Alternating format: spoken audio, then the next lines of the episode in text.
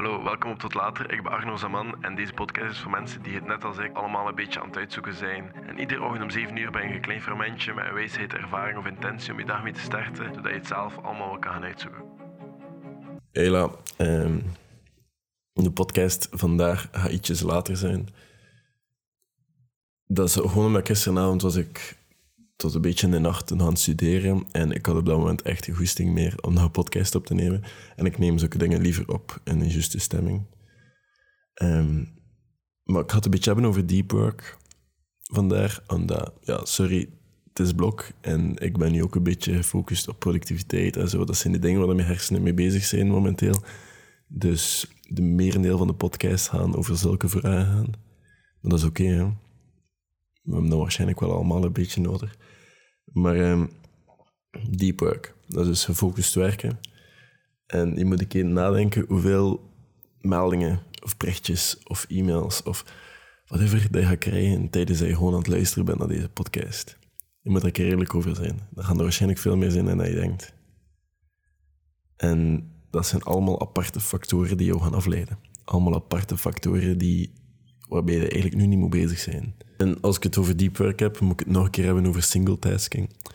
Of multitasking. Multitasking is gewoon echt niet goed voor je productiviteit. En zeker niet voor deep work. Omdat je, als je switcht van het een naar het ander, is je aandacht eigenlijk nog half bij hetgeen wat je vorige keer van bent. Dus je kan eigenlijk maar half zo productief zijn in hetgeen dat je nu begint, omdat je net iets anders aan het doen was. Je moet echt focussen op één iets en dat voor een bepaalde tijd doen, zodat je enkel in dat kan zijn. Maar als jij gedurende die tijd, en ik ben daar schuldig van, naar je gsm kijkt of naar je mails of zo, is je aandacht al half verminderd. En er zijn er studies op, hè, dat mensen bepaalde dingen laten doen in puzzels of zo, en halverwege laten onderbreken, en dan zeggen van, joh, nu moet je even dat nalezen, of nu moet je even dat doen, en dan terug naar de puzzel, mensen missen. Mensen vergeten waarover dat ging, omdat hun aandacht maar half is. Er is bijvoorbeeld nog zo'n heel, heel interessante statistiek, ik vond dat toch 70% van het werk dat we doen tegenwoordig is allemaal online. Dat is mails beantwoorden, um, communiceren online, social media, die dingen. Dat is 70% van je werk. En 30% daarvan is lezen. Of eigenlijk echt schrijven. Of dingen beantwoorden. En dat is um, een beetje verontrustend, maar ook ja, waarschijnlijk een beetje normaal voor de tijd. Maar toch voelen we alsof dat we ik weet niet veel werken in een werkdag. En ik weet alleen meer werken dan dat we eigenlijk op social media bezig zijn, of meer werken dan dat we eigenlijk online stuff doen. En ik weet het, van veel mensen in de werk is nu online stuff doen, maar dat houdt ook in echt denken en dingen leren en, dingen, en echt projecten verzinnen. Maar we zijn zodanig gewend om medial tasks te doen, en stomme dingen, of ons te verliezen in comments beantwoorden of zulke zaken. Ook al is dat je job. Dat je deep work soms vergeet. En again, dat kan je job zijn en daar is niks mis mee. Ik heb samengewerkt met heel veel mensen die als job hebben gewoon Facebook comments zetten en beantwoorden en de social media onderhouden van bepaalde ja, zaken, bedrijven, partijen, whatever. En dat is een toffe job hoor. Maar zelfs in normale jobs ontbreekt er gewoon heel veel deep work. En er zijn vier manieren om deep work te doen. En de eerste is echt gewoon een beetje harsh, allee, hard. En dat is... Uh, ja, sorry, de kerk gaat hier af, maar ik ga gewoon verder doen. En dat is hoe dat de, een monnik zijn werk doet. Alles... Ja, een beetje leven zoals een monnik. Of als, ja, kluizenaar. Alle distracties, alle afleidingen ga je verwijderen uit de ruimte. Je gaat die wegdoen. Je gaat daar gewoon niet mee bezig zijn. Je gaat een beetje leven als een kluizenaar en je gaat je focussen op wat je moet focussen. Dat is de eerste manier. De tweede manier is ja, bepaalde tijd je agenda. Oké, nu wordt de kerk wel een beetje irritant. Uh, ik kan wachten. Oké, de kerk is gedaan en het is nog niet eens 12 uur, dus binnen twee minuten ga ik er weer van, van hebben, denk ik. Maar bon. Um, de tweede is eigenlijk gewoon dat je een bepaalde tijd in de dag helemaal apart zetten voor deep work. Bijvoorbeeld van 10 tot 12 ga je deep work doen, ga je schrijven en dat is het. En niks anders. Dan heb je ritmisch approach. En dat is dat je telkens in blokken gaat werken. Al is dat 25 minuten, al is dat een uur en een half. Dat je echt zo gefocust je werk gaat doen en niks anders. En dan daartussen kan je even pauzeren.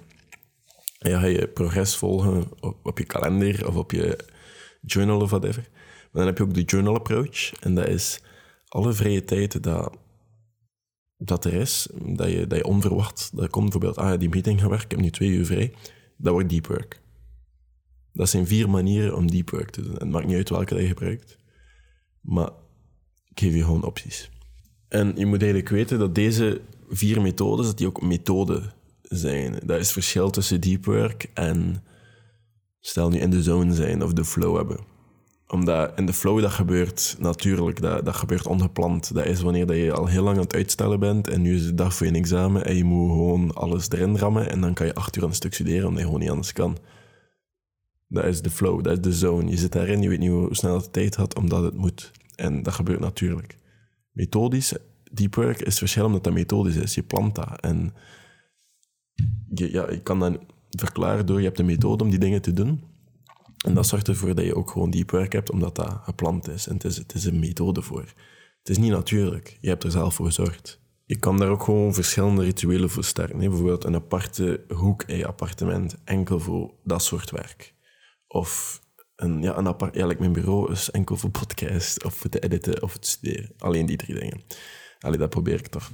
Maar gewoon een aparte ruimte. J.K. Rowling, die ging naar een hotel voor haar laatste Harry Potter boek gewoon om weg te gaan van de hectische thuissituatie. Allee, niet dat hectisch is bij haar thuis waarschijnlijk, maar gewoon om ergens in stilte deep work te kunnen doen. Die schreef trouwens in Schotland, in Edinburgh, in een cafeetje. Ik ben daar geweest en die schreef daar... Allee, veel van haar eerste boeken heeft ze daar geschreven in een cafeetje. Die veranderde ook van ruimte en ze schreef daar. Waarom? Ja, omdat dat is een aparte ruimte die je dan gebruikt voor enkel te schrijven. En als dat werkt voor jou, werkt dat voor jou. Fun fact, over dat cafeetje is er een begraafplaats. En daar op een van de tombes, allee, tombes, grafstenen, staat er de naam Sirius Black. Nu, tegenwoordig is dat geen grafsteen meer, omdat heel veel mensen blijkbaar die grafsteen stelen. Ik weet niet wie dat er grafsteen van Sirius Black wil, dat moet wel een diehard fan zijn. Maar nog een fun fact, achter die grafplaats, allee, achter die, ja, ik kan nu zelfs niet op het woord komen, maar, maar niet uit. Daarachter is een school. En die school heeft vier districten. En ieder district heeft ook zijn eigen gemeenschappelijke kamers. Dat is meer interessant. En in Edinburgh heb je ook zo verschillende Harry Potter tours. En dan zie je zo allemaal mensen met toverstaffen en van die kleedjes en zo. Allee, ik vind dat wel grappig. Maar no offense, want ik vind Harry Potter mega nice. Ik vind dat heel cool. Dus vandaar dat ik die dingen ook weet. Maar zij ging dus ook naar aparte ruimtes, alleen een aparte plaats om die work te doen. Zij had, haar mind was zodanig ja, georganiseerd daardoor dat je zegt, ah, oké, ik zit in een café en nu moet ik schrijven. Je kan je mind programmeren om zulke dingen te doen. Ik zit nu achter mijn bureau, de podcast, de micro staat hier en dan weet ik, ah, sorry, ik moet nu een podcast opnemen moet niks anders doen. Ik ben nu enkel hiermee bezig. Je kan ook jezelf grenzen opstellen door heel drastisch het internet uit te zetten tijdens dat je aan het doen bent. Of je gsm gewoon helemaal uit te zetten en een andere kamer of zelfs aan de buren te geven of whatever. Dat je moet doen zodat je er niet op zit. Er bestaan apps zoals Freedom of eh, whatever, ik gebruik die zelf niet meer, maar er bestaan apps die jou kunnen limiteren om bepaalde sites te gebruiken. Als je daarop doet, zet dan een timer aan, zodat je niet op Netflix zit of social media of whatever. Maar Freedom zelf zou ik niet aanraden, want plots, ik had het al even niet meer gebruikt en plots had ik dingen van mijn rekening gehaald. En terwijl het eigenlijk een gratis app is. Um, dus ik heb mij direct unsubscribed, gevraagd voor een refund. Ik heb de refund gekregen, maar ik subscribe niet meer voor uh, Freedom, want uh, zo gratis is het niet. Allee, ik vind het niet erg om voor zulke dingen te betalen, maar ik weet het wel graag. En ik vond dat een beetje niet, niet zo nice van hen. Maar waarschijnlijk was dat met de proefperiode of zo, dat ik niet van wist. Maar dat is oké, maar er zijn genoeg gratis oplossingen daarvoor. Dus ja, jezelf grenzen opstellen, zorgen dat je bepaalde dingen niet kan doen. Maar ook, je moet het duurzaam maken. Je moet ervoor zorgen dat je het graag blijft doen. Alles dat in de pauze even zelf je eigen koffie brouwen, wat ik nu regelmatig doe, omdat ik dat gewoon nice vind. Want ik heb nu ook zo een, eh, een bonenmaler en ik voel me nu zo echt een barista. Maar ehm, ja, ook al is dat jezelf je koffie maken of een workoutje doen of even aan mijn fingerboard hangen of even pull-ups doen of pompen of even gaan wandelen of een podcast lezen of even lezen in een strip of whatever dat, dat is. Als je even een pick-me-up nodig hebt in de pauze om het sustainable te maken, doe dat. Want deep work moet je nog altijd kunnen blijven doen. Je moet, je moet in die mindset geraken van nu moet ik werken. En dan moet je de pauze doen, oké, ik verdien het en dan kan ik terug beginnen. Want dat is heel het nut eigenlijk, het moet duurzaam blijven. Oké, wij zijn cyborgs, maar we weten het nog niet. Dat is iets dat ik heb gezien van een podcast met Elon Musk. En het is een beetje zo, hè. Onze smartphones zijn vast aan onze hand en wij zijn alle verlengde van de smartphone. En in de toekomst zal het gewoon zodanig zijn dat, dat de digitale zelf... Nu, nu gaat het gewoon te traag. Ik ga dat niet te lang... Ik ben gewoon letterlijk aan het zeggen wat Elon Musk toen zei. Nu gaat het technologie gewoon te traag om jouw echte zelf om te zetten naar digitale zelf. We kunnen nog niet al onze gedachten even snel zetten als dat we ze denken. En digitaal gaan nog niet mee met hoe dat we denken en hoe dat we zijn.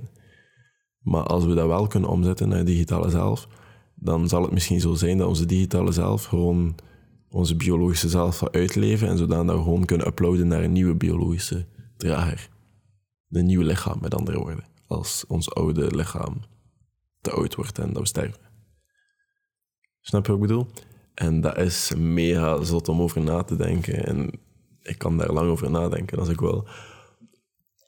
Maar dat is dus een verlengde van ons antwoorden, die digitale zelf. En met die metaverse, we weten het nog niet, maar Facebook heeft ons net onze toekomst laten zien. Hè. Die digitale wereld, dat is hoe dat de toekomst eruit gaat zien. Hè. En we zijn daar nog niet klaar voor, denk ik. Maar Facebook heeft ons onze toekomst laten zien, alles gaat veranderen. Maar nu zijn we daardoor al zo ja, vast aan afleidingen. We zien alles. Hè. We zien Instagram, we zien Facebook. Allee, we, we zien alles. We hebben heel de tijd continu afleidingen en we vervelen ons nooit. Dat, dat is iets dat we allemaal weten. Maar dat is ook gewoon omdat ons brein is gemaakt om onszelf constant af te leiden. We zijn, we zijn daarvoor gebouwd, evolutionair gesproken. Vroeger, iedere afleiding kon oftewel een risico zijn, of een gevaar, of een kans. Snap je? Een, een hert dat passeert kan een kans zijn op eten. Een tijger dat passeert kan een groot risico zijn op je leven. Snap je? Ik bedoel, we, we zijn ervoor om afgeleid te worden. Ons brein is zo gewired. We zijn zo. We, we willen afleidingen zien. We zien die ook. En sommigen zijn zo erg dat ze alles zien. Dat ze in een foto alles zien of dat ze alles zien passeren daarom aan de kant van het bureau staat dat gordijn altijd toe van de raam. Dat, klinkt heel saai, omdat er dan geen licht in valt, maar er komt licht in valt, maar gewoon van achter mij, niet naast mij. Want anders kijk ik continu naar buiten en dan zie ik iedereen passeren. En daarom is het ook gewoon belangrijk dat we weten wat onze intenties zijn als we op social media kijken. Als je, als je op Instagram zit puur om in contact te blijven met je vrienden, om dingen te delen of te sturen of zo, maak dan ook... Allee, wees dan ook zeker dat je het daarvoor gebruikt, dat je ook gewoon stuurt met mensen daarop. En dat je niet continu gebruikt om gewoon te kijken wat, wat dat in Justin Bieber zijn leven aan te beuren is. Of wat... Allee, snap je? Keeping Up with the Kardashians. Dat je het echt gewoon gebruikt om met je vrienden te communiceren. En als het echt moet, probeer ik cold turkey te doen. 30 dagen zonder. Dan kan je erna vragen, was de afgelopen maand beter geweest als ik social media had gebruikt? En whatever dat antwoord is, kan jou helpen in de toekomst. Maar misschien is het geen nodig om ooit een keer cold turkey te doen. En ik ga dat ook doen. Ooit. Maar uh, dat is moeilijk, hè? Ik weet het. Maar uiteindelijk kan je dan ook vragen: Did anyone care dat, dat ik het niet meer gebruikte? En als je nee antwoordt op die beide vragen, dat niet beter ging zijn en niemand keert, misschien moet je dat gewoon wel opgeven. En ik heb al heel maat op de vuurtje staan om enkel dat te gebruiken voor ja, dingen zoals dit, de podcast en video's. En dat is ook bijna enkel waarvoor dat ik het gebruik tegenwoordig. En voor te bereiken met mensen. Maar dat is het, een contactenlijn en te netwerken. Daarom is social media is great. En ik ga het ooit al een keer hebben over de bad side van geen social media, want dat vind ik ook belangrijk. Want social media heeft heel veel voordelen en als je dat niet doet, dan mis je ook wel heel veel dingen. Er zijn er ook heel veel nadelen aan, aan geen social media hebben. En daarover wordt minder gepraat. En daarover wordt dan zo, omdat, omdat social media heel, heel slecht is, zo gezegd. Maar het is ook heel slecht dat je het niet doet, volgens mij soms. En daarom is dat zo'n moeilijk dilemma, denk ik. Omdat één verslavend is en omdat anderzijds gewoon je beperkt in zoveel dingen als je dat niet doet. Oké, stel nu je hebt een heel zware dag gehad op je werk, je bent kapot en je komt thuis. Wat doe je? Je bent meestal kapot, je bent niet echt toe in staat om iets te doen. Dus dat is meestal koken, ehm, tv kijken, whatever. En je, hebt echt geen goesting dan om zo een bepaalde timeslots voor bepaalde dingen te doen. Hè? Want je hebt daar echt geen goesting in om gefocust te zijn op dat moment. Maar als je erover nadenkt, toch ga je iedere avond hetzelfde doen bijna. Al is dat tv kijken, al is dat eten, tv kijken en, of gamen of een boek lezen of eerst een beetje socializen met mensen of naar de klimzaal of zo. En dan toch ga je alle dagen hetzelfde doen. Waarom zou je daar geen tijdslot ervan maken? Want als je dan uiteindelijk naar bed gaat, ben je, soms zelfs veel moer van niks te doen, uiteindelijk, dan, dan dat je eigenlijk was van toen je naar je werk kwam. En dan ga je de volgende dag soms ook zelfs niet uitgerust te zijn. En dat kan ook aan andere dingen liggen, niet zoals hormonen en zo, maar stel nu dat puur aan dat ligt. Daarom is het misschien goed om een keer dit experiment te doen. Um, om een keer Elon Musk te hebben, die plant zijn dag in vijf minuten blokken. Daar raad ik nu niet aan, maar ik raad dan bijvoorbeeld wel aan om minstens 30 minuten blokken. Pak zelfs een uur nood. Je dag in te plannen.